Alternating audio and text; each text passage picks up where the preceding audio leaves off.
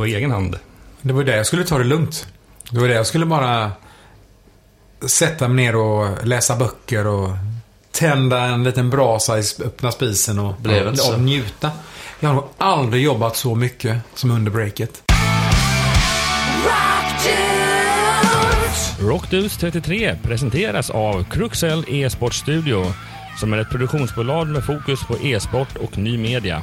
I deras lokal på Hötorget har de tre olika studior med bland annat sport och nyhetssändningar, matlagning, casual gaming och talkshows. De producerar även galor, seminarier och andra event ute på plats. Inom kort kommer även Rockdudes att göra livesändningar från dessa studios.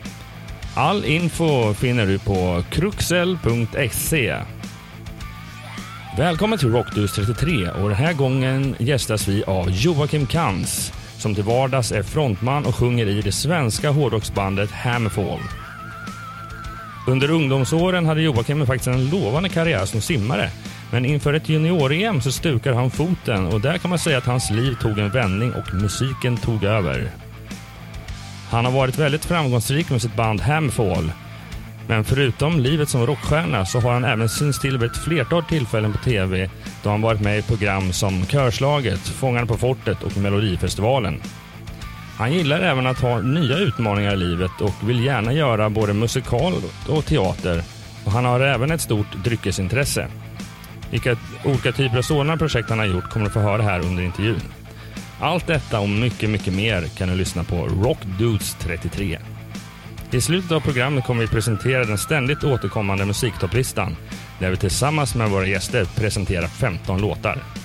Listan publiceras på vår Spotify-profil och hemsidan rockdudes.se. Nej, nu gott folk, nu är det dags att gå över till intervjun med Joakim Kans. Välkommen till Rock Dudes 33 och idag har vi med oss Joakim Kans ifrån Hammerfall. Hej! Tjena, tjena. Välkommen, hur står det till? Tack så mycket. Jo, det, det står väldigt bra till måste jag säga. Det är en hektisk period och eh, livet leker. Kommer du från Göteborg nu eller? Jag kommer från Södermalm där jag bott sedan eh, Jaha. 2014 flyttade vi hit. Gör du det? Ja. Resterande bandet, då är de Hammerfall, är de lokaliserade i Göteborg eller? Vi är ganska väl utspridda nu. Ingen bor väl kvar i själva Göteborg. Utan att det är, eh, runt omkring Göteborg så är vi tre stycken här i Stockholm nu då. Så att, eh, Men vi kommer aldrig bli ett Stockholmsband, har Oskar sagt. Och så är det ju. Vad är anledningen till flytten då? Eh, det var väl egentligen familjen som tjatade hål i huvudet på mig och sa att nu, nu får du fan släppa sargen här. Nu måste du eh, chansa lite. De hade jobb här uppe och skolan och yngsta dottern är väldigt in- inne i teatersvängen. Och, eh, alltså möjligheterna finns ju här. Helt andra möjligheter. Och för min del, jag kan lika gärna bo under en eh, sten uppe i Norrland. Så kan jag utföra samma jobb som jag gör här i Stockholm då. Men det är lite lättare på kort varsel att hoppa in någonstans och eh, göra lite, eh, till exempel som det här, hade du behövt planera in i, i samband med ett annat besök då. Sista minuten grejer. Alltså, för jag var väl lite motståndare till att lämna Göteborg, för det är där jag har allt, hela tryggheten med. Bara få tag på eh, målarhasse, om någon ska måla om hemma.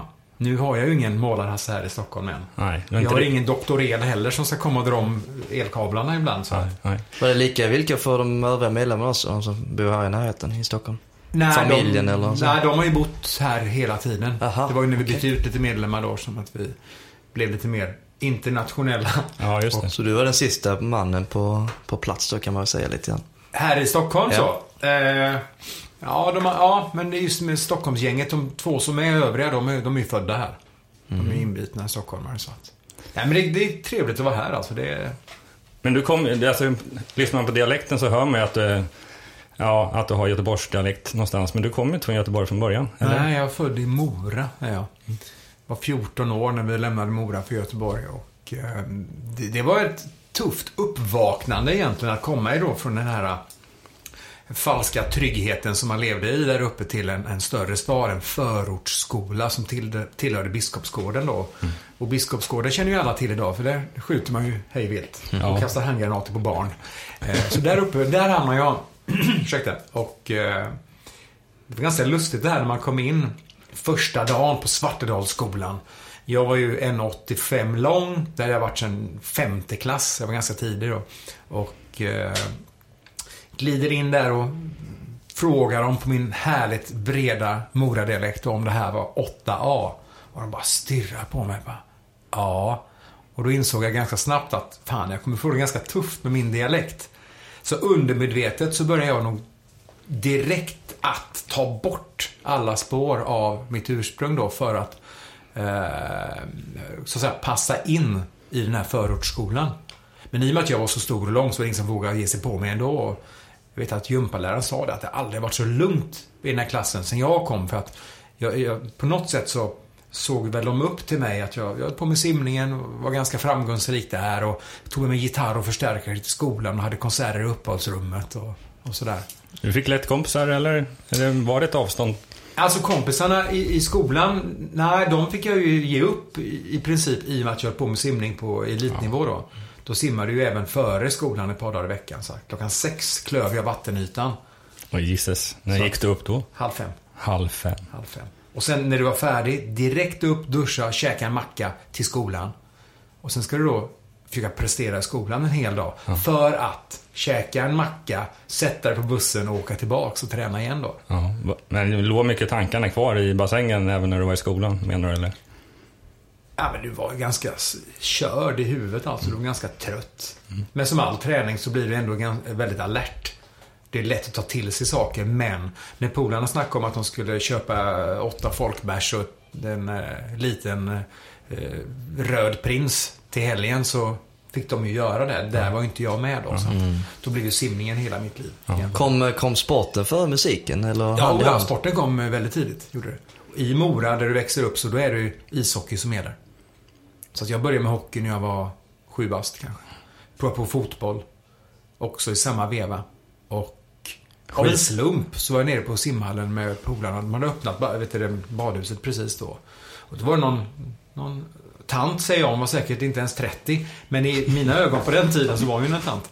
Som stod där med en, grupp barn och frågade, är det någon mer som börjar i simskola? Och jag vet inte varför min arm bara åker rakt upp. Bara, jag... Alltså, vad fan, vad håller jag på med? Jaha, ja, ja, jag får skriva in mig på simskolan då. Så jag kom hem till min mamma, kom ihåg, och så berättade jag att nu ska jag börja simträna också. Så bara, Nej, nu får du skärpa dig. Nu måste du välja. I och med att det här var mitt egna val, då var det ganska enkelt att säga att, ja men vet du vad? Då ska jag simma. För det har jag valt. Och då får man ju stå sitt kast lite grann. Och hockeyn var ju, jag var åtta år när jag slutade med hockeyn och började simma då. Då hade jag, stod inför det här otroliga, inte dilemmat, men den här eh, processen man väljer ut elitspelare redan vid åtta års ålder. När de eh, står i båset och säger, okej, de jag läser upp nu spelar match på lördag eller söndag. Och alla namnen lästes upp utom mitt. Så jag trodde ju någonstans att jag hade missat, för jag var väl lite disträ och... Va? Så jag går fram och bara, du... Eh, på, på Brett Dalmål då. Du, Jag hörde inte mitt... Läste du upp mitt namn? Ska jag spela på lördag? Jag Bara, "Ah, Hörde du ditt namn? Nej, då ska du inte spela. Så gick jag. Tufft. Ja, Åtta bast. Ja, åtta bast. Du får det beslutet rakt i ansiktet. Så sen dess är jag inte en speciellt bra lagspelare heller, utan jag tycker om att... Jag gillar inte... Jag skulle aldrig kunna åka till fotbolls-VM i, eh, i eh, USA och komma hem med en medalj och bara suttit på bänken. Nej. Det skulle inte jag känna mig att jag hade förtjänat då. Så att för mig handlar det mycket om prestation, alltså allt i livet. Det är prestationen som räknas. Vilket kanske är bra med andra sidan med tanke på simning i sig. Där gick du väldigt eh, bra för, med tanke på prestation och allting. Du var ju med i juniorlandslaget ju. Ja, det gick, gick som på räls, verkligen. Och eh, kom med i juniorlandslaget 84 då när jag kom till Göteborg. Det var en, en stor anledning till att vi hamnade här i Göteborg, förutom eh, det uppenbara när föräldrar skiljs och det blir lite fnurra på tråden så. så eh, handlade det mycket om att jag skulle få utrymme att utvecklas som simmare. För här fanns det eh, bättre möjligheter, kanske inte bättre tränare, men bättre konkurrens i bassängen då. Vilken var favoritgrenen då? Eh, bröstsim. 200 meter. Jag, jag är inte explosiv och det, är- det märker man idag när jag har gått över till att träna löpning då. Att på 100 meter så skulle jag säkert få stryk av en bebis som kryper ifrån mig. Men på, på, på eh, längre distans så maler jag sönder folk. När jag sprang Göteborgsvarvet så fick jag en lista på hur jag låg hela tiden per kilometer. Och låt säga att det var 25 000 som sprang så låg jag nog på sista plats i början. Och sen åt jag tusen, tusen, tusen, tusen, tusen och hamnade någonstans i mitten till slut. Men det är mitt sätt. Jag har ett tempo i mig och det håller jag. Du har en, mot, du har en motor som tuggar på likt en... Ja, men det är lite så. Mm. Det här, man kommer in i någon form av mantra. Mm. Då måste jag fråga nästa följdfråga på tal om det här med simningen. Hur påverkar det håret då? Måste man klippa av sig allting för att få några sekunders eh, fördel? Ja, det kan du köra badmössa kan du göra. Hade du badmössa? Ja, jag hade badmössa. Men jag hade även kort hår för att det gick inte att ha långt hår och på den tiden det var inte snack om att ha långt hår. Mm. Vet, det var ju någonting man såg på bilderna på dem. Du vet när Mötley Crüe och de här kom. Bara, wow, det där skulle jag vilja ha men det kommer jag aldrig kunna ha. Men däremot inför de stora tävlingarna då så mästerskapen, då stod du med en gul bick rakhyvel. Du tvålade in benen och så hade du en hyvel på båda benen. Och man hade ganska håriga ben redan när jag var 14-15 år då. Mm. Och du slet med den här hyveln och du fastnade på fotknölen och du vet, det bara rann ju blod. För du slet ju av lika mycket skinn som, som hår då. Men det enda du inte ska raka då, det är armarna. För då tappar du greppet. Aha. För att benen är, då får du ett bra glid. Men armarna är det som du, så att säga, som tar dig framåt då. Och får du bort håret där, då kan det bli en märklig känsla.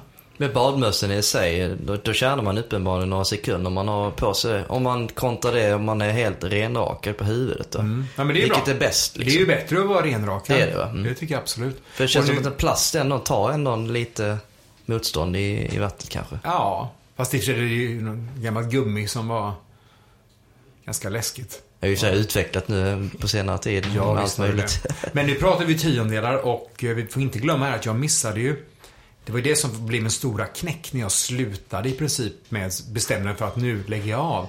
Det var när jag missade junior-EM med 36 hundradelar. Oj, Jesus. Det, det är de, och det var det, det är nog ganska mycket i simning då, men ändå 36 hundradelar. Det, är ju, det är ju ingenting. Nej, verkligen inte. Men jag tror inte det var de små differenserna i, redan i junioråldern. Liksom. Jo då. Så att då åkte min bästa polare då till, eh, med landslaget till Berlin och fick uppleva två veckor då med landslaget och hela junior-EM. Och jag satt hemma och... Tittar du ens på det? Ah, alltså jag, nej, nej. Det, det, det jag bara, hopp, det var hela mitt, min sommar var förstörd. Mm. Allting jag hade planerat inför då. Så jag började fundera på vad, vad är det nu som har gjort att jag missade?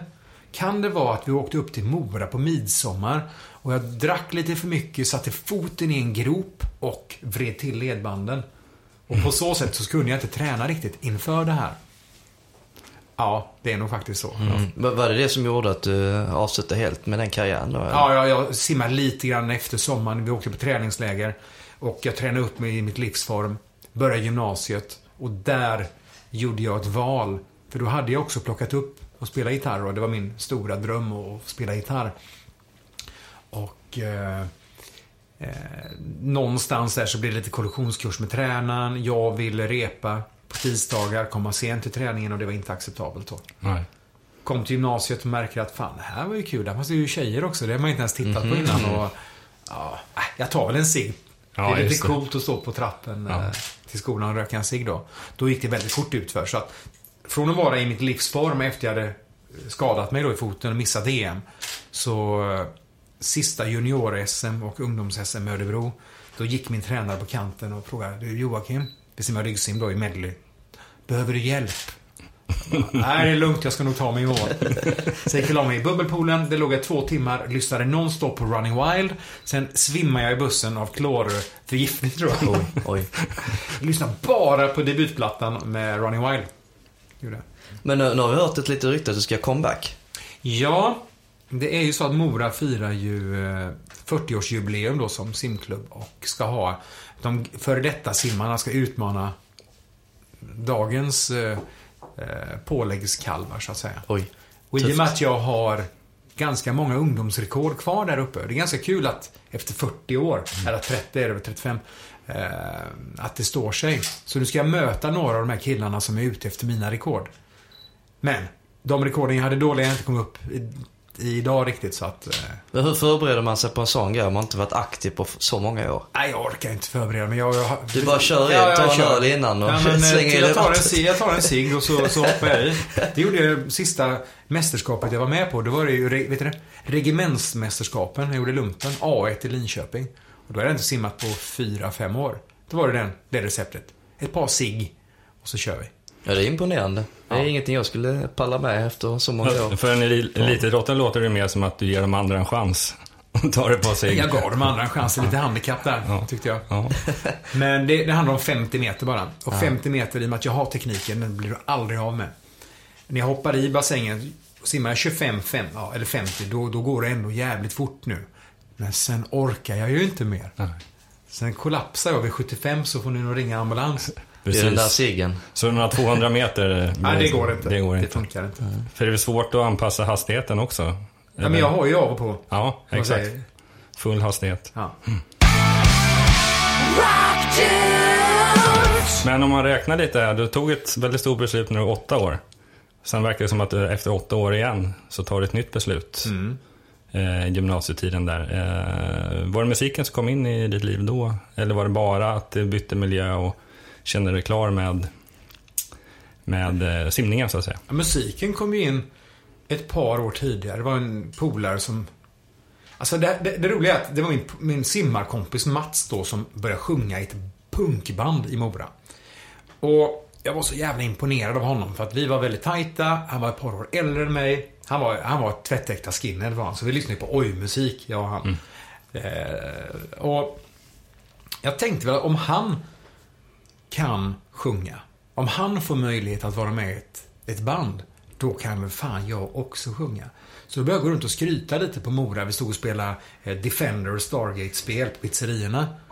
Och då pratade jag någonstans där att fan, jag är ganska bra på att sjunga. Och det var ett band där som hörde det här och bara, men du, om du är så jävla bra nu, ska du inte hänga med och repa lite då? Så jag sjöng Night of the Demon från Demons debutplatta för dem. I, på pizzerian då, så bara, ah, men det, det är inte helt fel, häng med. Men eh, den audition gick fruktansvärt fel. Eh, de hörde aldrig av sig igen och jag bara stod och skrek. Jag hade ju ingen aning om vad jag gjorde. Och, du vet, stå där, alla spelade på maxvolym.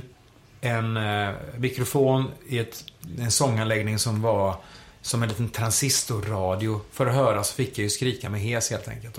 Och så på engelska till lika till allting också. Ja, nej, du vet, det var, det var jättesvårt. Så att jag köpte gitarr istället. För mitt mål var att jag ville inte sjunga. Så, så, så enkelt var det. Jag ville spela gitarr. Yngwie Malmsteen var min stora idol. Och det var väl först efter jag lyssnade på hans sommarprogram i, eh, på Sveriges Radio som jag insåg att fan, det är ju han som har betytt mest för mig av alla. Så fort någon säger bara, ah, vem har inspirerat dig mest? Då tänker jag ju sångare. Men det är ju inte det. Det är ju Yngve. Men Yngve har du träffat nu också misstänker jag? Ja, eh, ett par gånger. Hur, hur känns det? Har den bilden förändrats nu när du träffat personen i fråga? Jag har hört alla stories från Anders och Jens, så att de, du vet. Han är ju någonstans en... eh, Karikatyrfigur eller? Ja, men både karikatyr och han är också en large in the life-människa för mig. Att jag kanske ville ha honom en bit ifrån mig, att han inte ska komma för nära. För då är risken att illusionen om Yngwie Malmsteen försvinner helt och hållet. Och det vill jag inte att det ska, att det ska göra. Musiken kan man ta ifrån den i alla fall. Han har ju betytt ganska mycket för svensk rockmusik. Definitivt. Däremot sk- skulle han, som jag alltid har sagt, behövt ett band. Han ska vara en del av ett band. Och inte styra och ställa för mycket själv. För att när han själv börjar, speciellt när han börjar sjunga själv. Och när han bara producerar själv. Då, eh, då gick det lite utför om man säger så. Men det här med förebilder är väldigt speciellt. om, man, om man tänker lite extra. Vad hade hänt om eh, du inte hade upptäckt eh, Yngwie? Ja. Vad hade hänt om jag hade inte hade satt foten i den här Det är jävla också faktiskt. gropen i Mora? Då kanske jag hade kommit med på, på junior Finns det band idag som eh, har sett upp till eh, din karriär då, i, i Hammerfall? Som du nu tänker efter, men nu är de ju jätte, jättestora. Om det inte var för mig och om det inte var för Yngwie heller för den delen. Jag tror vi har kommit... Nu börjar väl vi komma upp i åldern lite och vi har varit med så pass länge som band att eh, kanske folk också vågar säga att vi har varit en stor influens åt dem. Men varje gång jag hör det så blir jag ju samtidigt lite... men, vet, svenska jävla jantelagen här bara, nej så är det inte. Det finns så mycket andra bra band. Ja. För i början fick man ju då försvara sig om någon sa bara, ja Hammerfall är våra eh, förebilder. Bara, ja, men hur fan kan du säga så? För de har ju bara, och då kommer det, Halloween, eh, Maiden, Priest, Accept. Ja, men vänta lite nu. Om vi säger att Accept är en stor förebild. Varför är det ingen då som säger, ja men du vet, alla moves som Accept gjorde, var kom de ifrån? Jo, från Status Quo. Exakt. Ja, ni fick ju för med, Så att det finns ju, alla har ju influenser och förebilder. Men där har vi haft det lite tyngre än väldigt många andra band. Men samtidigt så, det, det skiter jag i. Om det är någon som har plockat upp en gitarr eller börjat sjunga för att de har lyssnat på Hammerfall, fine.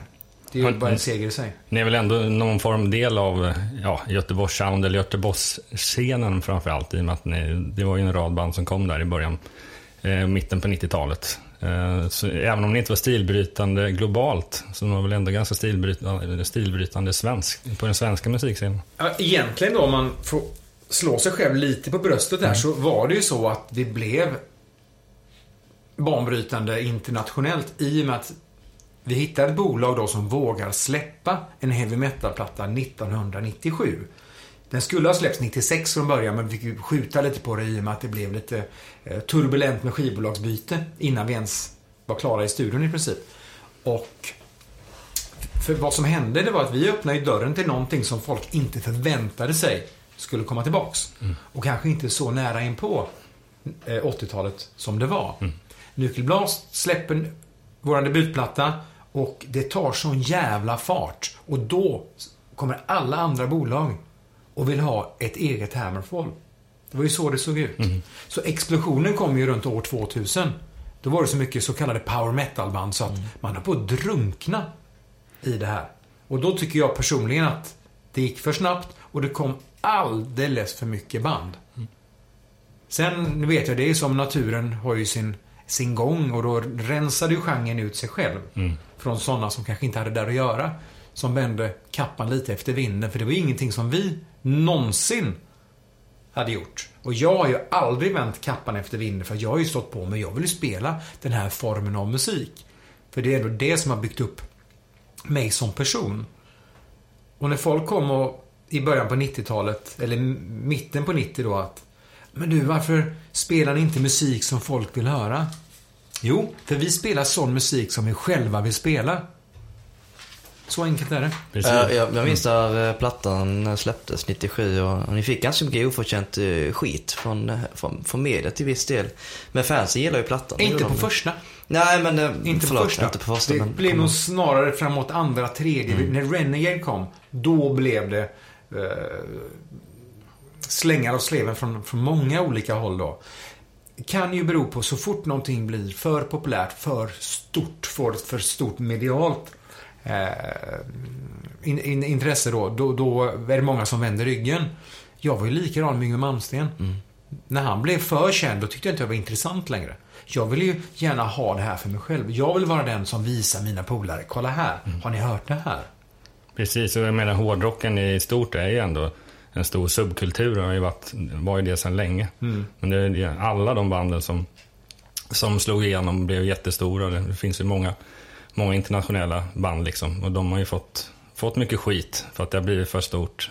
Och, men jag tycker det är synd att kalla det att allting blir så mainstream som folk. Vad, vad är fel med att någon upptäcker en väldigt bra musikgenre och 80-tals heavy metal och hårdrock överlag, det var ju ingen subkultur. Det var ju det som gällde. Ja. Det var ju precis. det som gällde. Det var väl den hårdare skolan som blev lite sub när thrashen kom när i början när Halloween var spelade den tyska eh, sidan utav det hela. Det, där har man lite sub.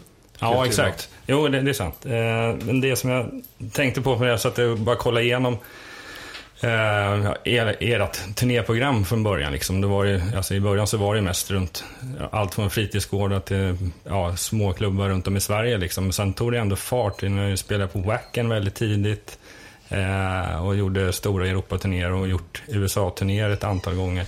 Så mycket när de snackar om det här dålig press eh, för hårdrocken eller musik rent gement. Det handlar mycket om att det är den där svenska jantelagen också. Jag vet inte hur ni upplevde när, i och med att ni kom ändå ut utomlands tidigt. Hur resonerades där? Grejen var att i Sverige kom vi, det blev det hände ju lite långsammare i Sverige. Det tog Ja. lite längre tid.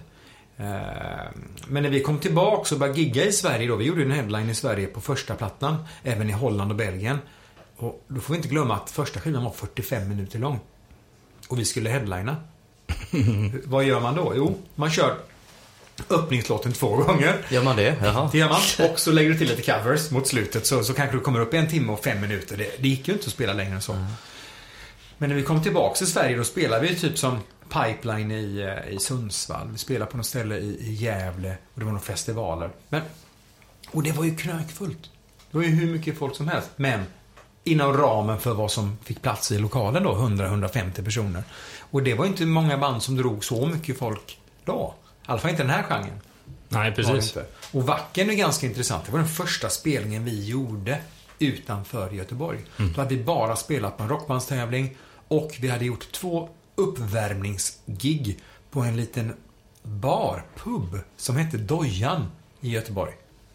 Och sen får vi åtta slotten på Wacken på fredagen. Då står vi på stora scenen klockan åtta på kvällen och bara, var är vi? Hur gör man? Ja, vi hade ju ingen aning. Nej. Vem är du? Jag är en gitarrtekniker. Va? Vad är det för något? Mm. Vi är väl vana att göra allting själva. Och då kommer en massa tekniker då som ska hjälpa oss. Så vi var ju väldigt suspekta där och misstänksamma mot dem att du, vi får väl tillbaks instrumenten efteråt. Ja, Ja, det. är lugnt. Det är lugnt. Jag har ju köpt en del eh, plattor eh, längs åren. Legacy of the Kings har jag ett litet eh, kärt, roligt minne. Och då jobbade jag faktiskt i musikbranschen redan då. Men till saken då, då distribueras era skivor. Vilket det kanske fortfarande görs än idag via Sound Pollution. Mm. Så jag var där och träffade gubbarna och så fick jag reda på var pallen av eh, Legacy of the Kings låg någonstans. De som inte känner till distributören Sound Pollution, deras eh, lokaler, butiken i Gamla stan. Och laget är precis vid eh, Paco-butiken, en liten dörr då. Hur som helst så stod pallen på lagerplats T. Vilket betyder toaletten. så lite ställe var det tydligen där bak. Så att de hade ställt där, en lite större toa. Det var lite kul minne. Så jag plockade min skiva, köpte den och lyssnade. Och sen vill jag minnas att jag såg en spelning i Helsingborg också. Av alla ställen. Ja, ni har Ja, spelat i- Tivoli Tivoli. var det. Och det var första gången då kom Anders på hemligt studiebesök, ska du veta. Jaså? För då hade vi beslutat att vi inte kunde fortsätta med eh, vår dåvarande trummis Patrik då. Så Anders var där, vi träffade honom och eh, sen gjorde vi slag i saken då, veckan efter tror jag. Let the hammer fall eller? Lätt det här och fall. Så var det. Nej, det var kul. House of Kicks hette de på den tiden. Ah. Sound Pollution. Det stämmer. Gjorde de. Länge, länge sedan. Men nu har det hänt ganska mycket. Nu har ju... Nej. Ja, nu har väl bytt ett skivbolag till eh, en, en Ja. viss del, eller? Jo. Hur kommer det sig? Jag är lite nyfiken på det. Tionde plattan, jubileum, byta skivbolag. Ja, men det är väl lite grann så här när du känner att när kanske någon tar dig lite för mycket för givet. Att eh, vi är fortfarande hungriga, vi vill framåt. Men skivbolaget då som jag sa tar oss för givet och ser väl det här mer som en, en eh, självgående pengamaskin. Att Hammerfall släpper en skiva, det går jätte... Vi säljer så här många eh, tusen skivor och då tjänar vi så här mycket pengar. Ja, det behöver inte göra så mycket. De har ju signat upp det mesta idag med, med Accept, med Sabaton och Anthrax. Det är bara... De har signat upp alla. Och vi hamnar någonstans i skuggan av väldigt många band och det kändes inte helt rätt att ligga kvar. Eh, för vi, vi är ändå det bandet som har gått hand i hand med Nuclear Blast i nästan 20 år och vi har vuxit tillsammans. Och då, här kände nog vi att vi ville ha lite mer uppmärksamhet ifrån deras sida. Sen bad vi att få en marknadsplan. Och i och med att kontraktet var slut, vi var fria att gå var som helst då, så frågade vi givetvis Nuclear Blast först. Det, det, det, det, det är konstigt annars. först, ja. Ja, och bad att få en marknadsplan. Hur de skulle ta Hammerfall in i framtiden och var de såg Hammerfall om tio år. Eh, samma gick ut till bland annat Napalm och vi tog in allting och eh, det Blast skrev var i princip manualen som de har jobbat efter Mm. hela tiden då. Ett väldigt fyrkantigt sätt att arbeta. Nu är det 20 år senare och du kan inte släppa en skiva på samma sätt som du gjorde förr. Nu måste man tänka till lite grann. Och Napalm då som är ett mindre bolag men med en yngre staff då. de eh, personalstyrka, kanske det så fint heter på svenska, kom fram med de rätta svaren helt enkelt. Vilka är de rätta svaren då? Nej, alltså det kan jag inte gå in på i detalj här, men de såg ju potentialen och de ville ju ta Hammerfall framåt. För de var ju den här, den första skivan. För Nuclear Blast var den tionde. Och de hade ju backkatalogen. Och det innebär ju att, ah, det, om den här säljer på ungefär som vi, de, de tidigare då, men vet, då, då har vi ju det här säkrat. Mm. Då har vi även nästa platta och vad är plattan efter det? Och vad som händer efter eh, om vi tänker oss två plattor fram, då är vi ändå inne i nästa, jag på säga sekel, men så gamla är vi inte, utan nästa årtionde. Och då har jag passerat 50 och det är många i bandet som har passerat 50. Då vet vi ju inte hur marknaden ser ut. Vi vet ju inte ens om vi finns kvar som band. Så nu är det lite så här, eh, varje skiva är Kommer det bli som att den sista plattan eller att man krämar ur det sista eller hur? Jag hoppas ju inte det. Nej, jag nej, vill nej. ju inte kräma ur det här sista. Jag tycker att det är väldigt förnedrande och ovärdigt det många band håller på med. Mm. Jag lyssnade på ett av mina favoritband från 80-talet, Q5, som gjorde Steal the Light 85, tror jag den kom. En av de bästa skivor som har gjorts i metalgenren. De släppte tydligen en skiva i år. Så, jag, jag lyssnade lite på den innan jag kom idag. Alltså. Nej, det här var... Ja, jag stängde av den. Bara, nej, nej, jag vill inte höra det här. Nej. Jag vill inte höra. Det ska inte vara det sista minnet jag har ifrån bandet. Om någon säger du, har du, har du hört Q5? Ja, fy fan vad senaste skivan var kass. Jag vill inte hamna där själv. Nej. men ser du det som en, en Mick Jagger, Rolling Stones, att stå på scenen med typ eh, 60-70 år och så? Ja, Jag det vore ju fantastiskt om man fortfarande kan leverera. Men jag vill däremot inte gå...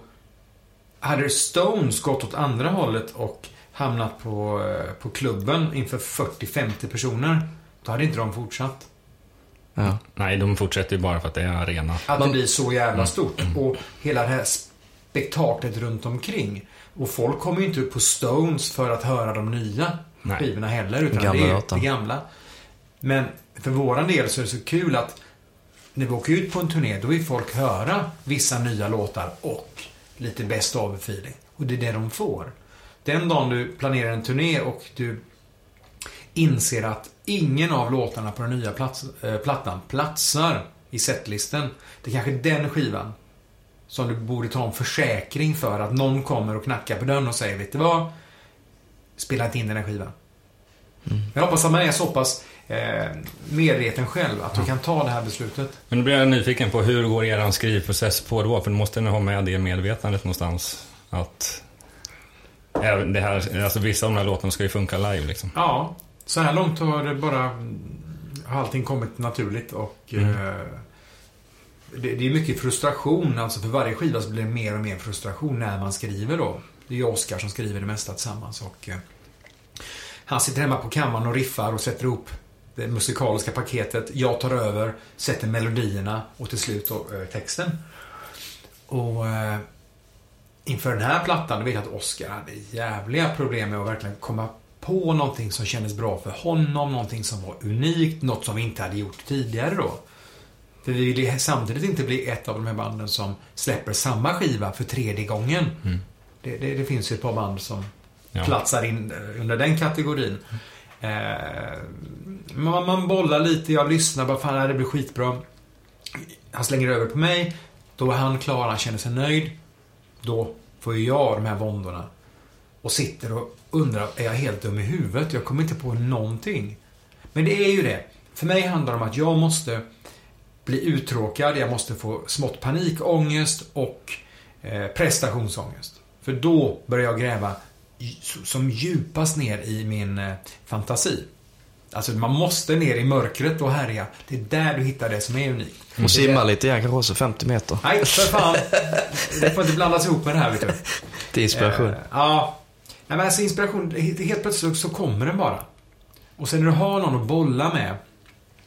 För vi är ändå ett ganska starkt team i och med att vi har jobbat ihop i, i, i över 20 år nu helt enkelt. Så kan jag bara bouncea ner en, en uh, idé och skicka över. Oskar, jag tycker det här är skitkast. Vad tycker du? Antingen bara, ja, jag tror att du kan komma fram med något bättre eller bara, fan det är det bästa du har gjort. Ja, så var det med den objektiviteten på sitt eget jobb. Men då, då känner jag mig nöjd. Då har jag fått det bekräftat från honom. Då kan jag släppa det och gå vidare. Och sen gå tillbaka och lyssna. Och oftast då hör jag ju själv att, ja, ah, hmm, det här var ju riktigt bra.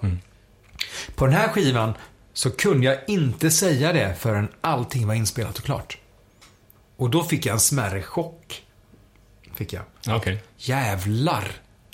Det här var ju riktigt bra. Vilken skiva vi har satt ihop. Vilken väl sammansatt skiva. Det är som att det är de perfekta ingredienserna. Jag hittar ingen svag länk någonstans. Det har jag gjort tidigare på många plattor. Men den här var unik på det sättet att nej, det är tio låtar på och alla platsar på skivan och de är där av rätt anledning. Men har du jobbat med varje låt individuellt så att säga i skapandeprocessen? Att, som du säger, att du dyker ner djupt eller kan du till och med jobba med flera låtar samtidigt eller hur funkar det? Nej, jag brukar vilja hålla mig till en och samma låt hela tiden. Och kör jag fast i låten då däremot, då kan jag bara stoppa ner den i en förpackning och låta den ligga där. Jag har ju, jag tror det var på den eh, Chapter 5 för tio år sedan. När jag var färdig med en låt och den, den var okej, den var bra. Men jag hade ju gjort det förut. Jag kände att det här var precis det som folk hade förväntat sig skulle komma. Ja, det är en bra låt, men. Så då deletade jag hela sångpaketet och lät den vara. Sen började jag om från början. Och det då som, som blev, blev ju riktigt bra. Och det är den låten Fury of the Wild. Som från början lät helt annorlunda. Ja, eh, ni har ju eh, släppt diverse olika drycker, alkoholiga drycker. Eh, Vin eh, tror jag det var först. Eh, men sen så släppte ni två stycken sorters whisky. Hur kom ni in på den banan och vilka jobbade ni med? Från början var det, det här med vinet var en liten en grej att testa bara. Det var en, en glad, inte god vän, men en, en kille som jag känner lite grann då, som jobbade för ett liten, liten vinimportör då. Så vi ville testa lite om, om det skulle funka. Men är ni vinpimplar hela gänget då? Eh, ja, jag kommer in på det här, eh, gör jag. Eh, jo, men alltså för att svara snabbt på det. När vi Ja. gjorde våran eh, Sverige-turné, vi gjorde en klubbturné för många år sedan för att gå trapp, ta ner det lite grann för att komma närmare fansen. Då hade vi på Ryden då, det var jag och Pontus mest då som. Då var det alltså efter gigget skulle det alltid finnas rött vin och en ostbricka i logen. För när man blir lite äldre så kan det ändå vara kul att njuta av eh, alkoholens effekter och eh, varför då inte dricka någonting som är riktigt gott? Istället för att dricka något pissigt vin eller dricka någon ljummen Becks i burk som är det värsta jag vet. Så så bör vi ställa lite krav på det vi drack. Eh, ja, så, så, så var det med det. Men vi testade rödvinet. Eh, ett otroligt bra rödvin. Men vi fick inte in det på bolaget. Och vi fick väl inte heller någon större rotation på det. Men det bästa är att det var en bra årgång. Eh, 2012 var det då. Och eh, vi har själv köpt fem- 300 flaskor nu då som jag ska lägga på lagring. För den kommer bara bli bättre och bättre med åren då. Så att, ah, då får jag behålla det själv då. Ja, det Men hur många liter gör man på en sån eh, första batch? Eh, Det beror lite grann på hur mycket som finns. Det är samma sak med whiskyn här nu, eh, om man kommer in på den då. Då får du slänga ut krokar på vad finns det att tillgå. För det är inte så att vi tar tusen flaskor från bolaget och tar bort etiketten och slänger på vår egen etikett. Det, det här existerar ju. Folk gör ju så. Men det var inte alls det jag var intresserad utav. Utan att här har vi suttit när vi väl har fått in då prover då ifrån diverse eh, producenter eh, går igenom bara, okej, vad, kan vi, vad kan jag stå för? Jo, jag kan stå för någonting som jag tycker om själv. Och gillar folk den musiken som Hammerfall står för, då ska de även kunna ta till sig drycken. Det ska finnas någon koppling däremellan. Och tillsammans som med Brands for Fans här i Stockholm så eh, har vi suttit igenom en hel del provningar då med whiskyn. För att hitta det som verkligen tilltalar. Först och främst, det är jag som gör, det här är min lilla hobby. Drycken har blivit, jag, jag tycker det är jättekul. Och sitta och bara, mm, vet du vad, perfekt. Vilken jävla smak. Eh, på ett positivt sätt alltså. Eh, jag vet den första flaskan när den kom, då fick jag tag på en Och den var i större upplaga. Det var nog i 5000 flaskor fanns det att utvinna. De faten då. Men det var det som fanns. Sen var det slut. Eh, Och den tog ju slut ganska snabbt. Och det är lite synd för jag har en och en halv flaska kvar själv bara. Och en flaska ska jag aldrig öppna givetvis. Den ska jag ju spara. Men så bjöd jag grannen lite, han från Finland, eh, på lite whisky om helgen. Och då, då drack vi upp halva flaskan faktiskt till slut. Och det var jävligt dumt att jag tog bort den efter ett tag. För att, men du kan inte njuta när du har druckit en halv flaska whisky. Då är det bara för, för rusets skull då. Men den är ändå lagrad 18 år, Imperial. Ja, det var eh, den andra flaskan som kom då. Och det var ju den Imperial. Eh, och där stöter du på ännu större problem. För att få tag på något som ligger klart som är över 18 år. Det är svårt. Jag ville från början släppa en eh, japansk whisky. Men det, det är ju nästan eh, utrotningshotat. Något som är äldre än eh, två veckor där. Det, det, det finns inte. Och då fick vi tag på en Speyside. I väldigt begränsad upplaga. Vi fick ut 1200 flaskor på den. Fick vi. Men också eh, till skillnad från den första då som var mer, den första var mer eh, rökig men ändå väldigt elegant med sina sherryfatstoner och bourbonfatstoner som var väldigt mångfacetterad då. Så fick vi en väldigt exklusiv, eh, nästan lite, eh, vad heter Porsche på svenska? Eh, Ja, finns det något ord? Ja, men det var väldigt sådär eh, både majestätisk och förnäm eh, 18-åring då. Och den kom bara i 1200 flaskor. Oj då. Jag har faktiskt en sån flaska men jag har inte riktigt än vågat öppna den. Nej, du har inte den. Du ska nog hålla på den där, precis som det. Får öppna en Ja. till eller köpa en till. Om Men ta en centiliter åt gången tror jag man ska göra Ja. och sen ställa tillbaks den. Jag, jag provsmakade ju en, eh, en 50 år gammal Baumor White. Och då blev jag bjuden på en centiliter och en centiliter kostar 1100 spänn. Oj. Gör den. Hur var den då, smaken? Smakar lite antikaffär. Så det var inte någonting att hurra för eller? Ja, men det var ju det. Men det var ju så här. Jag har aldrig känt en sån smak tidigare. Nej, jag har provat någon annan sån där men det, jag, jag kan nog bara säga att den whisken som också var 50 år gammal, den var ju otroligt god. Mm. Men jag har svårt att hitta någon association till någon annan whisky jag druckit. Men, det är Men det, det är samma sak här. Ja. Den var ju unik Ja. i sitt slag. Jag så. tror väl också någonstans att den tappar lite alkoholhalt Mhm. med åren då. Ja, så kan det gå. Så då, då blir det också en helt annan eh, sammansättning då i smakerna. Så om vi väntar 32... Sofistikerad var ordet jag letade efter för Imperial 18-åringen då. Väldigt sofistikerad Porsche, smak. sofistike- sofistikerad. Ja. Men om vi kollar 32 år framåt med Imperial whiskyn. Smaken i sig, hur tror du det kommer att slå sig? Det handlar ju lite om... Eh, tänk om den hade fått ligga kvar på fatet istället då. Det är där det händer saker. När du väl buteljerar sen så, så då händer det inte så mycket. Eh, just på whisky. På whiskyn där. Eh, som på både vin och champagne kan ligga på flaska och bli bara bättre och bättre och bättre. Ligger och mognar till sig då. Så det finns ingen anledning att vänta 32 år och tro om att det ska smaka ännu bättre kanske? Nej, det är bara kanske tanken att man, man väntar så pass länge och sen öppnar den då. Det här speciella tillfället gillar jag när man, ah, jag ska ha vid något speciellt tillfälle. Men när är det då? Ja, men det är något speciellt tillfälle. Men det speciella tillfället, det är ju egentligen idag. En torsdag i oktober. Och Bara, nej men vet du vad, nu öppnar vi den här flaskan. Mm. Klockan 12. Ja, men lite sådär. Du ska ju inte planera inför ett sånt här speciellt tillfälle, för då blir det ju inget speciellt. Nej. Ja, men så har man varit med om. Det, de flesta resonerar ju så. Men när de väl gör det spontant, det är då de har som störst behållning av det. Jag tror det är mer så en grej, typ att ju längre det går ska man mer eh, visa upp att men jag har en 30-åring whiskyflaska och den är värd si och så mycket och så här. Men man har tappat hela begreppet om själva njutningen och känslan av att liksom sitta och njuta av en whisky än att bara samla på sig. Mm. Ja, men lite så är det. Jag och min eh, före detta komp... Äh, han är fortfarande min, min vän, fast han var min granne i Göteborg. Vi gick på eh, matbutiken och handlade. Så gick vi och pratade om whisky och jag sa, "Ah, ja fan jag tycker jag skulle helst vilja ha en 18-åring och vi pratade ju som våra 18-åringar. Och folk omkring oss undrade, vad är det de går och pratar om gubbarna där borta? Och då kommer vi på det, tittar vi på den bara, jävlar, vi kanske ska, inte ska prata om, om 18-åringar på det här sättet och hur vi vill ha dem och... För oss att komma in i det samtalsämnet mitt på kanske få sig en helt annan Ja. upplevelse. Ska man ta hem en 18-åring och, och lägga henne på lag, lagring ett tag?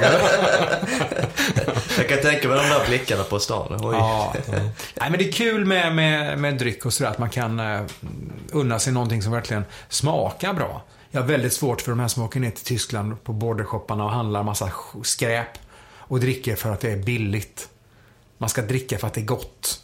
Ska man göra. Vad är nästa steg då när det gäller alkoholdrycker? Nästa steg är att jag ska åka ner till eh, Champagne i Frankrike och eh, besöka det enda svenska champagnehuset som heter Hatt och Söner, som vi har inlett ett samarbete ihop med. Eh, och släppa en jubileumskampanj i Glory to the Braves ära nästa år. Och då blir vi också först in på den marknaden som band att släppa en riktig champagne. För där har ju min värld öppnats upp nu att jag älskar ju champagne. Och har förstått nu lite grann processen kring och varför också en champagneflaska är så pass dyr. För att det, det är en, en eh, spansk cava eller italiensk prosecco. Den kan du släppa på en dag. Och det smakar surt och kostar ingenting. Nej, för en champagne måste ju ligga minst 18 månader på lagring innan den får kallas champagne. Och det är så otroligt mycket lagar och regler kring hur du får, eh, hur stor en eh, vinbärs, vinbärs säger jag. Eh, Vindruv- Vindruvsbuske får vara och när man får skörda, hur man får skörda, hur mycket du får pressa druvan innan du går över på andra pressning. Och, ja, det, är, det är otroligt intressant det här. Men tillverkas det även eh, eh, vanligt vin i det här distriktet? För det är ju det är ett väldigt litet område. Ja, det är ett väldigt litet område är det. Men det ligger x antal miljarder flaskor på lagring under. Ja. Jesus. Där har du lagret då. Eh, Allting är ju vintillverkning från början då, men Ja, så tillsätter man den här andra processen sen då med eh, extra jäst och socker Mm. och så. Men när eh, njuter man av med champagne? Det känns som att i, i, mitt sinne så är det mer högtider och diverse. Det är det som är så tråkigt. Jag njuter ju av champagne när möjligheten ges. Ja. Gör det. Jag sitter ju hellre och dricker ett par glas god champagne än att dricker ett par glas vin eller tar ett par öl. Ja, men då tycker jag det är värt att lägga ett par spänn extra och, och få en, en god champagne då. Det, bör, det börjar ju komma in lite mera. Eh, framförallt om jag kollar på min fru och hennes väninnor. Visst, det är väl mycket prosecco och cava och sånt också givetvis. Men det är ändå mycket mer av det här bubblet, så att säga. Precis. Har ju kommit de senaste åren. Men jag tycker ändå man ska ge champagnen en chans. För det, det, det är en sån otroligt stor skillnad ifrån cava och prosecco. Eh, däremot så kanske man ska passa sig för de här instegschampagnerna, de här absolut billigaste. För att där är det kanske inte den, den, de finaste druvorna, första pressen, utan att det, det blir sista pressen till slut, eller andra pressen då. Det kommer lite kvistar och lite skit med.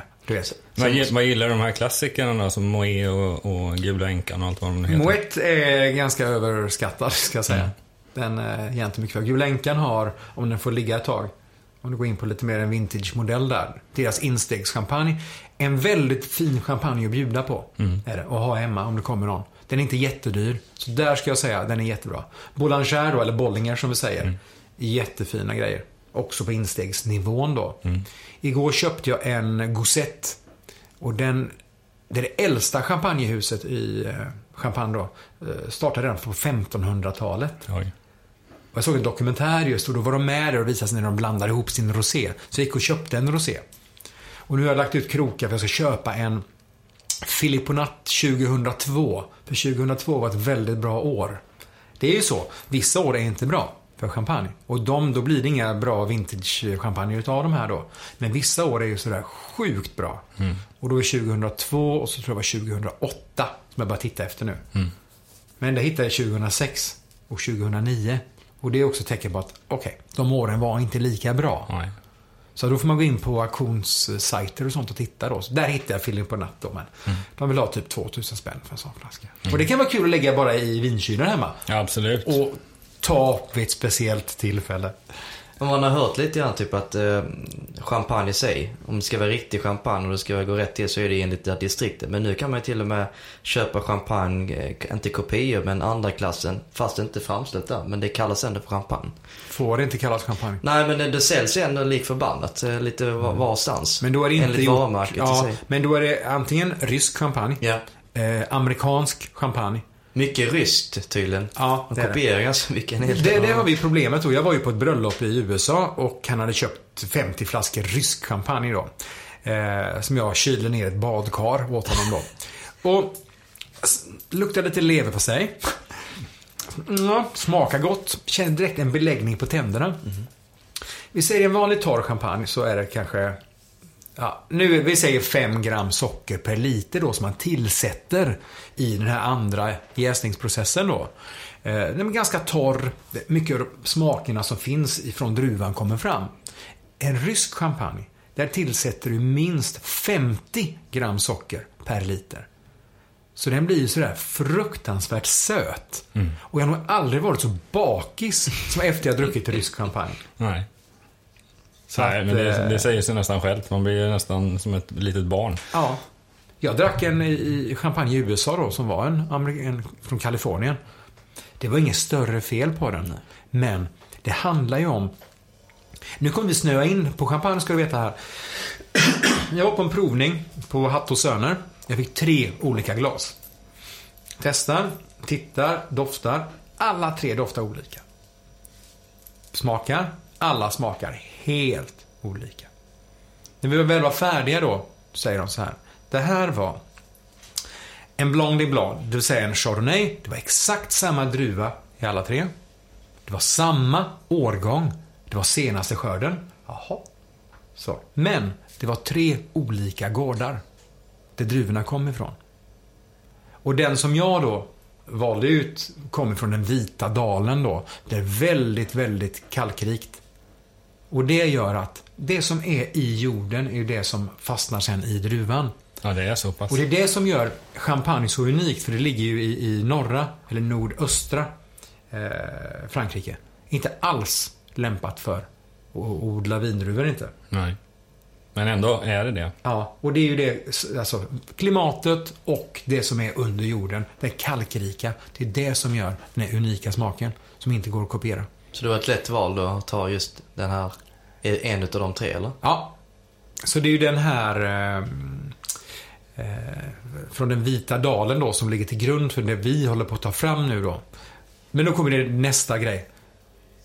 Det är doseringen då med socker och det är där jag kommer in i bilden. Det är där jag ska vara med nu och ta fram den perfekta doseringen. Så vi får en champagne som faktiskt är helt unik.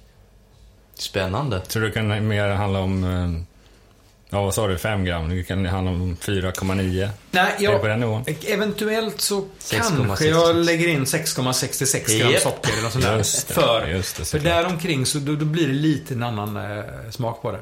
Och lite häftig marknadsföringsknep också kanske. Ja. Men framförallt är det för smakens skull. Ja, visst är det så. Kollar lite på, alltså du har väl säkert sen ganska lång tid tillbaka gjort dina egna grejer också. Men ni hade ju som sagt var ett litet uppehåll eh, efter 2012. Eh, vad pysslar du med? ja, det var ju rätt många olika projekt du gjorde där omkring på egen hand. Det var det jag skulle ta det lugnt. Det var det jag skulle bara sätta mig ner och läsa böcker och tända en liten brasa i öppna spisen och, och njuta. Jag har nog aldrig jobbat så mycket som under breaket. Tidigt så bestämde jag mig för att jag ville så gärna spela in en skiva på svenska. För parallellt med, med eh, min hårdrocksuppväxt så lyssnade jag mycket på svenska vissångare. Vreeswijk, Afzelius då i eh, synnerhet. Och börjar skriva lite grann och märker att fan jag har ganska bra idéer till, till svenska låtar. Söker upp en producent som jag känner lite. Vi gjorde en demo på tre låtar bara för att visa vad vi hade. Och så började jag pitcha det här. Och fick väldigt bra fin respons. Eh, I samma veva så får jag ett telefonsamtal då från en teaterproducent som skulle sätta upp Rock of Ages och ville ha mig i en av de ledande rollerna. Och det är också en dröm som jag har haft att få, få vara med i någon form av musikal slash teater. Och det här var ju den perfekta vägen in. Det var en hårdrocksmusikal, mer i jukebox-format. Eh, Min roll var mer en talroll än en sångroll. Vilket var väldigt motiverande för min del. För att sjunga, det kan jag ju någonstans. Det är därför han ringde mig från början då. Jag ville ju visa att jag även kunde skådespela. I det här virvaret, när jag hoppade på det och höll på att spela in min soloskiva, så kom även beslutet att du får vara med i Melodifestivalen med den här låten om du vill. Tänkte jag, ja, varför inte? Det är något helt annorlunda. Det är inte Hammerfall. De Hammerfall-fansen, de, de kunde jag väl nästan glömma. De slog väl bakut när de hörde vad det var för någonting. Men jag kände, nej men det, det var, där och då så kändes det helt rätt. Gjorde det. Känns det även rätt idag? Ah, det spelar inte så stor roll hur det känns idag, för där och då kändes det rätt. Om jag ska gå tillbaka och ändra på skivor till exempel, som känns fel nu, så måste, då motiverar jag mig alltid med att, ja men där och då var det det bästa jag kunde göra. Jag kunde inte ha gjort det på annat sätt. Och, Ja, det är bra. eh, Skulle du kunna tänka dig göra om det då? Igen? Nej, det tror jag inte att jag skulle göra. Det, det fyller ingen större funktion för mig personligen längre. Jag tror inte för Hammerfalls del heller. Nu har det blivit mer för yngre För yngre, ja, jo, artister och, som behöver en språngbräda. Och du ser ju när... De vill ju ha en blandning, de vill ha äldre artister med. Men de kommer ju alltid typ sist. Eller så blir det en konstig grej att de kommer till final. Och så, så blir det några konstiga låtar. Ja. Fast då, då kanske chansen ökar att man vinner den här gången med ett hårdrocksbidrag, tänker jag. Jag vet inte. Efter Lordi hade varit med, då sa vi nu är det definitivt att vi inte kommer vara med med Hammerfall. För att om vi skulle varit med så hade det varit roligt om vi var, om vi var först. Ja, du tänker så. Ja. Och vi behövde inte Melodifestivalen då. För vi hade en väldigt bra karriär ändå. Och risken är ju att du får en jävla peak och så får du en enorm krasch ett år senare. För Lordi är inte ett band som har gått jättebra efter Melodifestivalen. Utan de hade något år där, där det var stort. Men nu är de ju tillbaks där de började igen. Men det känns det som att nu när du kommit in i tv-biten och du plöjer igenom alla musikrelaterade program. Efter det så kom ju körslaget också. Körslaget var ju före. Nej, det var före. Det var Det före. var före, det var- det. det var ju det första. Eh, Det var 2008 det här. Och då hade de satt ihop det här programmet och ingen trodde ju liksom på det.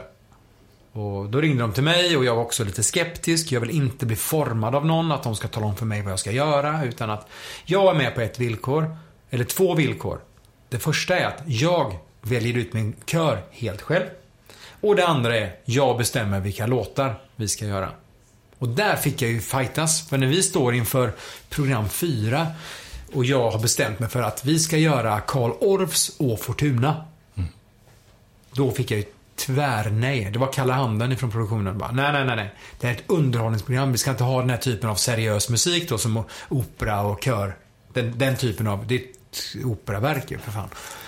Nu så, det här är mer hårdrock än någonting annat. Så många har använt det här som intro inför sina konserter. Vi ska köra det här. Och det slutade med att jag fick min vilja igenom och vi gjorde det här och det var det största ögonblicket hela första säsongen. Alltså växeln, det, det rasar ju ihop, det kraschar ju. När vi körde den här. Då började alla ringa och rösta på oss. Eh, det roligaste var att nästa säsong och kommande säsonger blev det ett stående inslag för alla körer. Att göra sånt här verk. Så du, ja, du, du Så du satte satte ribban rätt högt då. Ja, men man fick vara med och sätta... Vi fick vara med och sätta någon form av standard och, och skapa det som sen blev körslaget. Och det här var ju jätteroligt för mig att vara med i. För ni Och- vann, ni vann vi vann, ja. med? Mm. Men eh, sen fick jag jättemycket andra erbjudanden och vara med i diverse lekprogram hit och dit och tackade ju nej i princip till allt. Vad är det för något som du tackar nej då? Alltså jag vet inte vad de heter alla de här Nej, programmen nej. men det var mycket på TV3 och mycket på Femman och så nej jag vill inte vara med. Varför då? Jag tycker inte om programmet. Så enkelt är det. För om jag ska vara med på TV, det är inte så mycket om man bara tittar. Om du skrapar lite på ytan och tittar vad jag varit med på. Då är det sånt där jag verkligen känner att här kan jag komma till min rätt.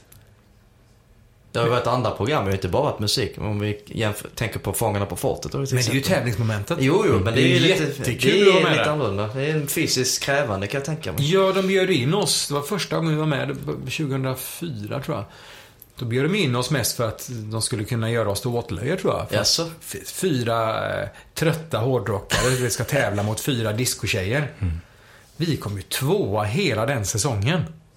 För vi gick in och bara smashade i varenda jävla cell. Och bara, men vad är det som händer här? Och sen skulle jag simma under vatten i något vardagsrum och leta efter någon du vet, nyckel där inne. Och, och de bara, vad är det som händer här? Du simmar ju hur bra som helst. Bara, ja, men jag har också en Men de visste simmarkarriär. inte om det, Nej, det visste de inte. Det gjorde de inte. Så att, eh, Men var det det roligaste då inom tv-sammanhang? Fångarna på fortet? Ja, det var roligt. Andra sätt gången kanske. var det också jätteroligt när vi var med. Eh, nu vill jag inte vara med mig. De brukar ringa en gång per år. Alltså? Jag tycker fyller ingen större funktion det Nej, programmet du har längre. gjort det ett par Ja. gånger redan. Och jag vill inte vara med där. Jag är med, nu är jag med i höst på något som heter Camping Queens på sjuan. Vad innebär det då? Eh, det är Tony Irving och eh, Jonas Hallberg är det väl. som Ja, åker runt i en eh, husbil och hälsar på hemma hos folk. Ja, okej. Så de kommer- hälsar på dig då? Ja, uppe i stugan i Dalarna. Så det har jag fixat så vi har lite, målar lite akvarell och äter lite veganbullar och du vet sådär, sitter och myser. Tänkte på körslaget, har de fortfarande en eh, kontakt med kören i sig? Ja, det är många utav dem här fortfarande. Har kontakter. Ja. Och vi får väl sikta på att göra något jubileum här om, om ett par år. Det är redan så pass eh, långt planlagt att det kan vi göra en liksom Ja, comeback jag kanske. har, mm, alltså jag har ju en egen planering i mitt huvud hela tiden. det? Hur långt fram är den då? Har du en planering två år fram när det gäller allting runt omkring? Två, ungefär två år. ja. Du har det? Jag tänker albumcykler hela tiden då. Släppa platta, eh, turnera och sen vad som händer efter den turnén. Hur funkar det då om det kommer fram ett något jätteroligt? Måste du pussla om det eller tacka nej till någonting som du redan sagt ja till? För att få in det i Ja, Jag planeringen? har tackat nej till grejer nästa år som jag verkligen har jättesvår ång- ångest för. Jag kan inte gå in på detaljer här men Nej, nej, nej. till förmån för jag har bestämt mig. Nästa år är Hammerfalls år. Då är det det som gäller. Men det måste man också göra. Han väl eh, lovat bort sig om turné och diverse så håller man ju det. Ja. Även om det känns lite väl surt och någonting hett kommer längs Så vägen. det är ju så att hade jag inte haft Hammerfall så hade jag inte fått de andra Lite giggen så. Ja. Jag måste tänka någonstans var jag kommer ifrån. Så det är lite lyxproblem kan man ju säga lite grann. Eh, ja.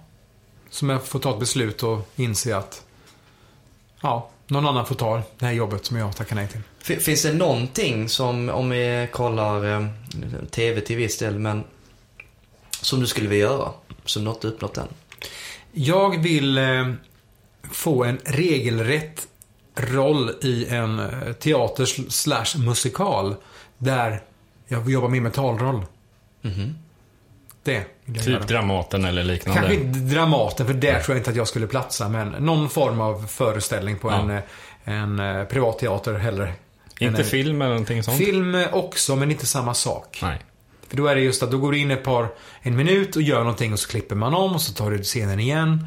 Jag gillar det här live. Det är Publikkontakten. här och nu det händer. När jag väl har sagt min replik, då är det kört. Ja. Då är det Så ingen jag som måste hela tiden vara på tårna, jag måste tänka hur jag ska göra. eh, Och det här min position, var- vart jag är på väg. Är det, Just- är det det någonting som du också eh, aktivt jobbar med på er eh, live-performance i bandet? Ja, men vi har ju alltid varit någon form av ett teatraliskt band. Vi har haft som en nästan teaterdekor på scenen med backdroppar, frontdrops. Vi har, vi har tänkt...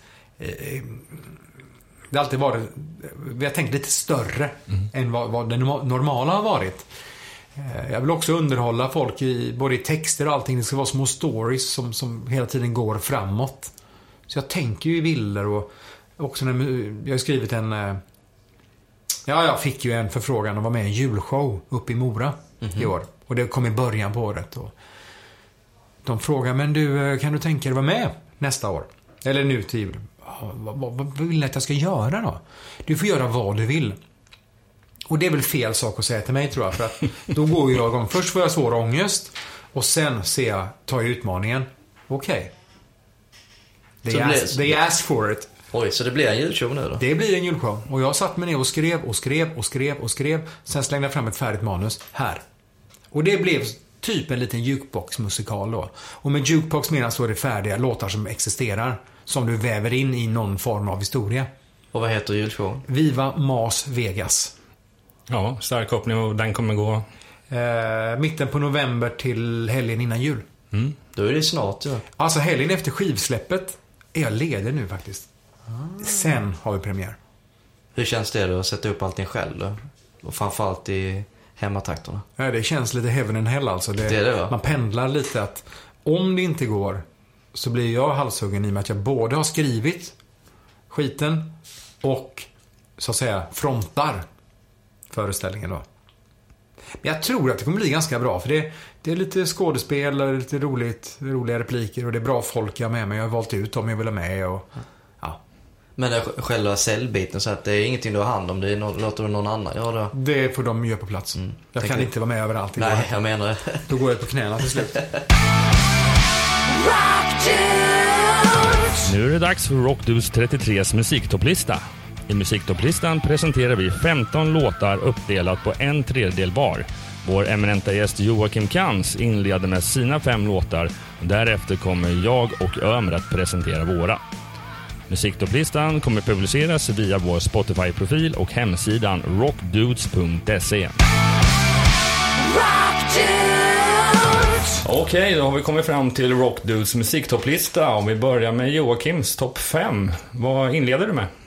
Det är ju nästan en omöjlighet att välja fem låtar. Ska säga. Det, här är, det, det, det här tog timmar och, Mm. av djup tankeverksamhet. Jag tänkte, jag började där allting började. På en pizzeria i Mora 1983. När jag inför det här bandet då ställer mig och sjunger Night of the Demon. Av bandet Demon då, så att vi ska höra på eh, originalinspelningen här med just Demon.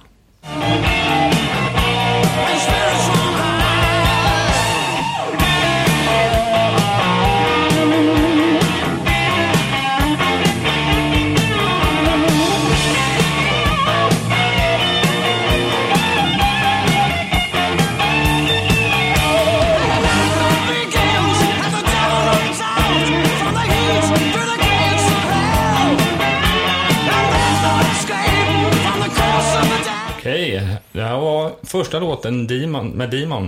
Eh, vad har du som andra låt? Eh, Jag återkopplar lite till eh, det vi pratade om i början av programmet här. Vem som har betytt mest, eller vilken artist då som har betytt mest för mig genom åren. Och eh, det är ju helt klart Yngwie Malmsteen. Så att eh, en av de låtarna jag verkligen lärde mig spela på gitarr var just den här. Far Beyond the Sun.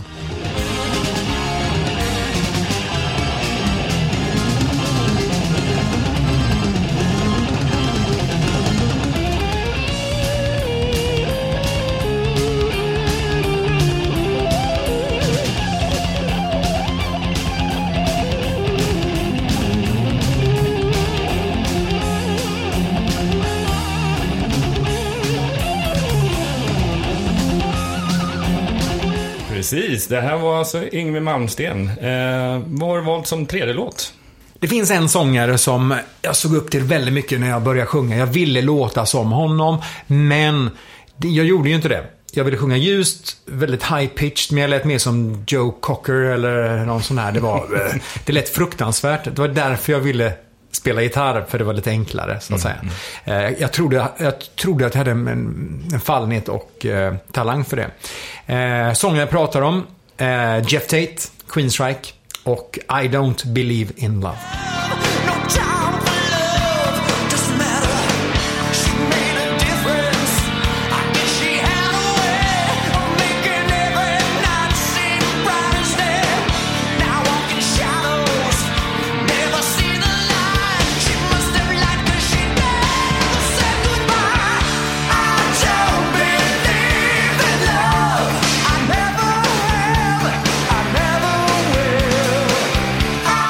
Okej, nu har vi kommit fram till din fjärde låt. Vilken är det?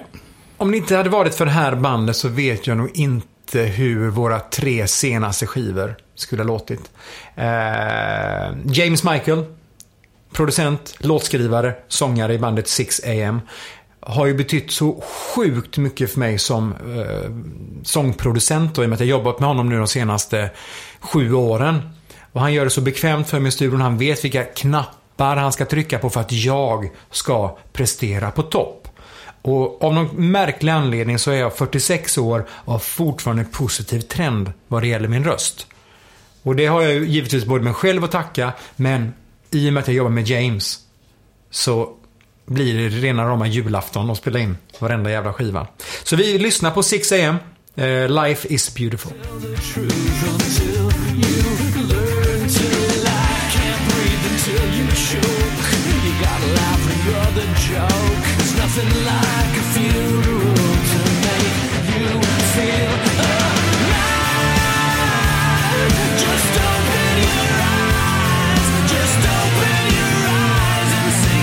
Life is beautiful.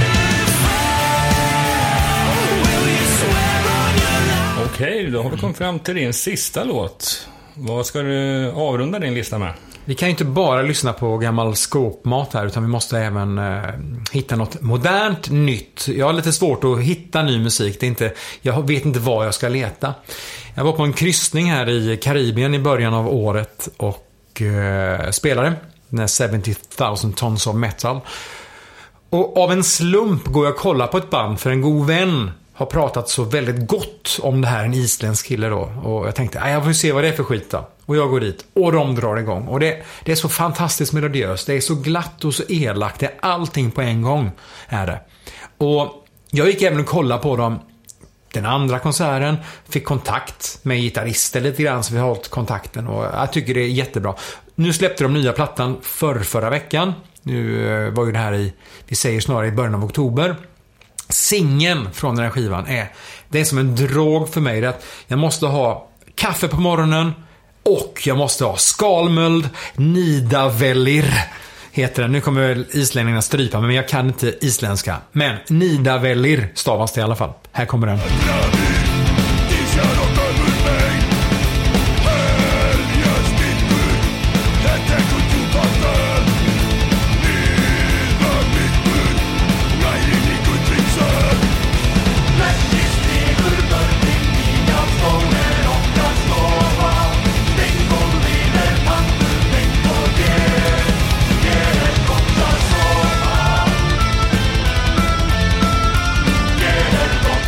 Då har vi kommit fram till Ömers topp 5 och vad jag kan se i din lista så verkar du tagit musik från större delen av världen.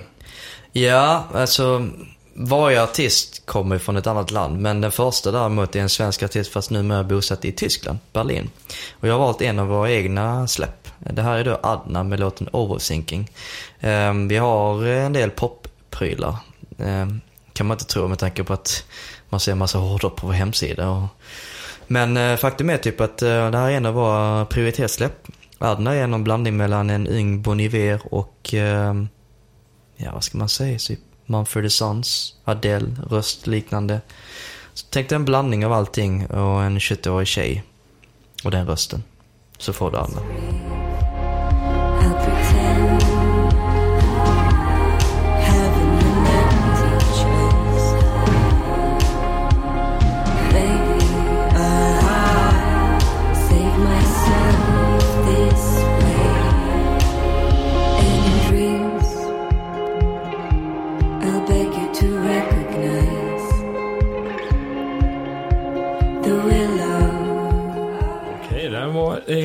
Egen eh, produkt, eller säga, men din egen artist, Adna. Eh, vad har du som nästa låt?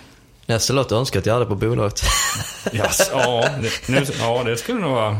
Ja, det här är giganternas gigant. Avenged Sevenfold med låten The Stage. Låten i sig är väldigt eh, skum. Känns som att riffet har man hört innan. Men det börjar med något konstigt intro som inte alls platsar i själva låten. Det är som två låtar i ett. Och sen, det var trumpartin är lite annorlunda. Men eh, man får ge det några lyssningar för att eh, ta till sig låten. Eh, The Stage.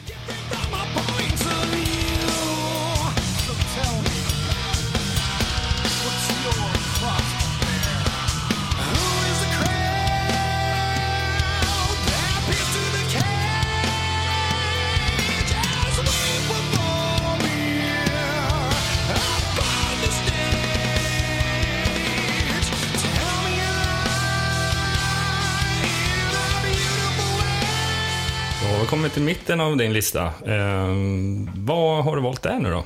Popprinsessan från Sverige som gör karriär i USA. Tove Lo med låten True Disaster.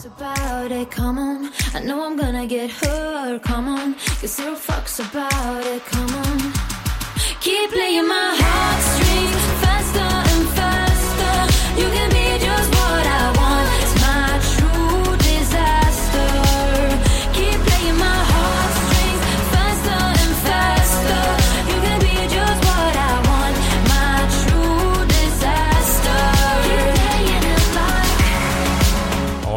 efter den där tredje korta låtangivelsen, då får vi hoppa över till den fjärde. Har du något större att berätta om där?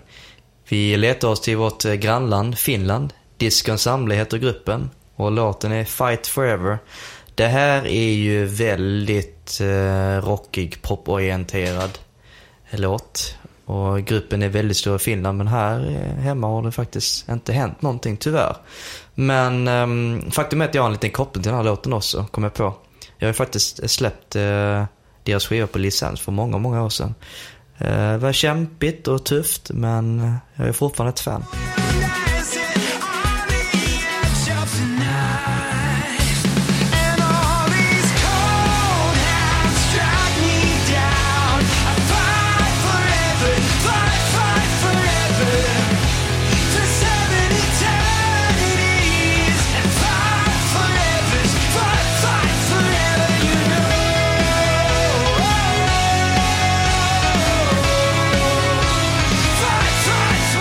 Har kommit fram till din femte och sista låt och ska man bara läsa namnet lite som, ja, i en viss genre i Sverige så kan man tro att det är ett dansband. Man kan tro det. Det är Veronicas. Eh, det här är ju elektropop, eh, indie, fast ändå en hyfsat, eh, jag skulle inte säga kommersiellt, men den, den sätter sig. Det är två tvillingsystrar från Australien som har sin karriär och nu börjar leta sig hit. Det är Veronicas med låten On Your Side.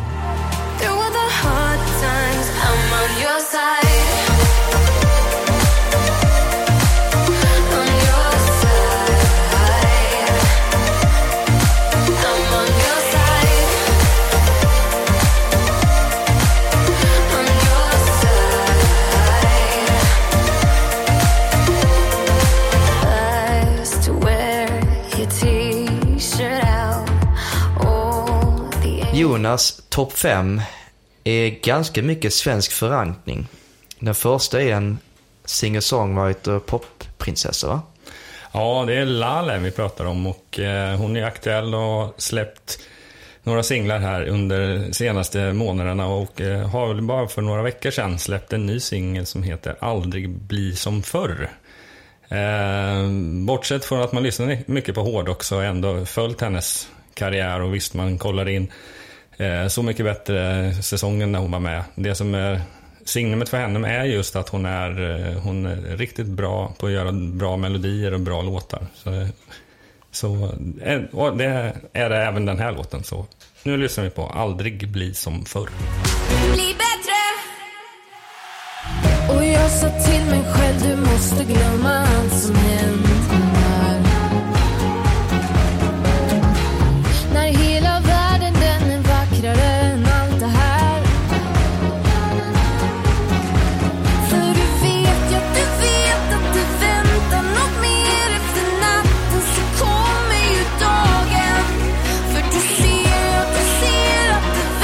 Nummer två, låtvalet är då Sveriges största band.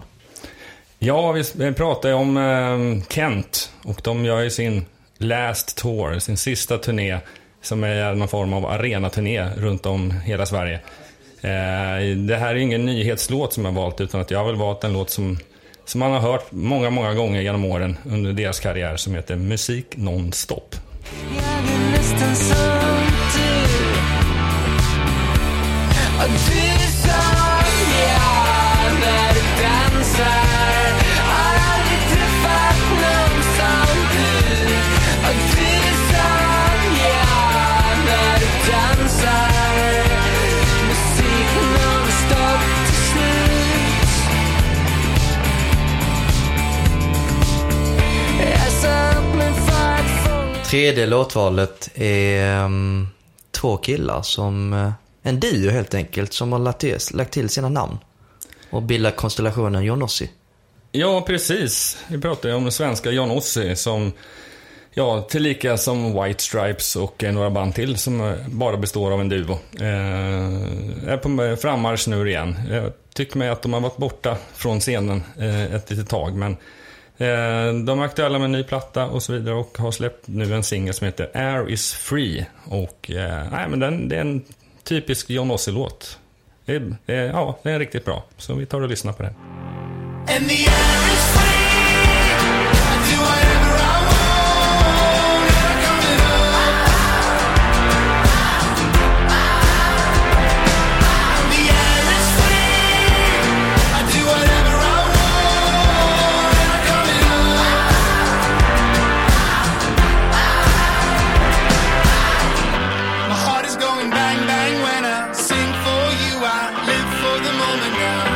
Då letar vi oss till USA. Ja, precis. Och ett band som har en eh, kvinnlig frontfigur. Eh, som heter, bandet heter The Pretty Reckless. Och eh, det är skit skitig rock'n'roll helt enkelt. Och för bara några avsnitt sedan så presenterade vi en ny singel då. Och nu har de släppt en ny som heter Prisoner. Och den är lite mer åt blueshållet till och med. Den har rätt mycket bluesinfluenser i sin låt. Som påminner mycket om det som kom på 60-70-talet. Så vi tar och lyssnar på Prisoner. Yes,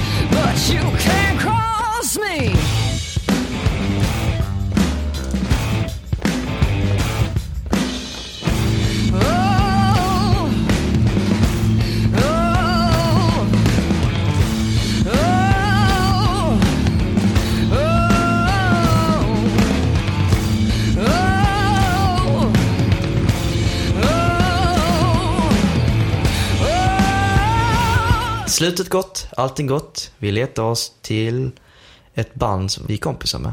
Ja, precis. Vi hade ju med eh, sångaren, sångerskan Elise i bandet Amrant här precis innan sommaren.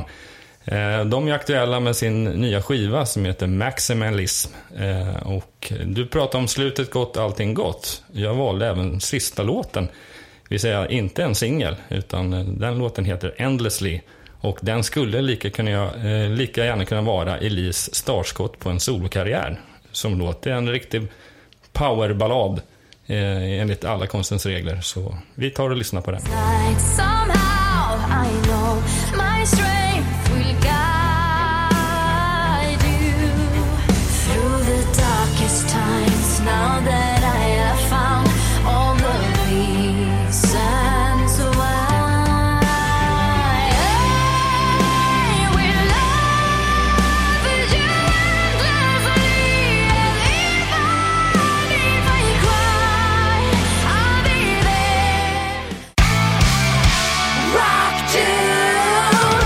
Kommit till slutet av Rockdudes 33 och eh, fått mycket stories om hur hela Joakims liv har sett ut. Och jag kan jättemycket om champagne nu. Jag ska börja köpa en flarra snart. Är du inte lite törstig nu? Jättetörstig. Ja, vi går och knäcker en, en, en pava helt enkelt. Ja, tycker jag. Med fredagsmys på kontoret i studion. Japp.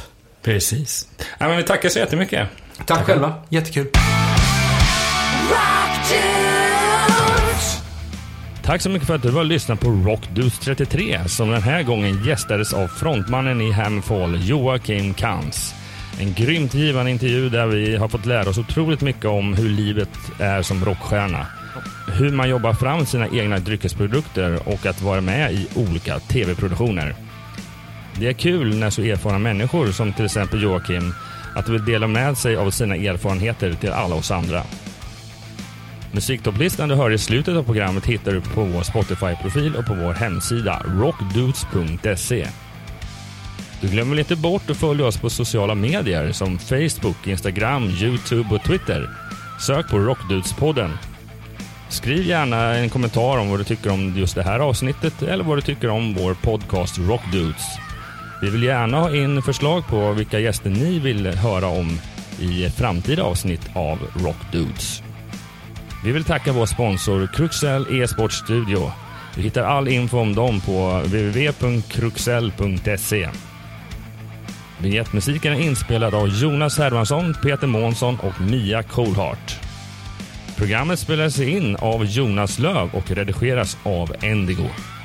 Vi vill tacka just er för att ni lyssnar på Rockdus 33 med mig Jonas Löv och co-hosten Ömer Akai.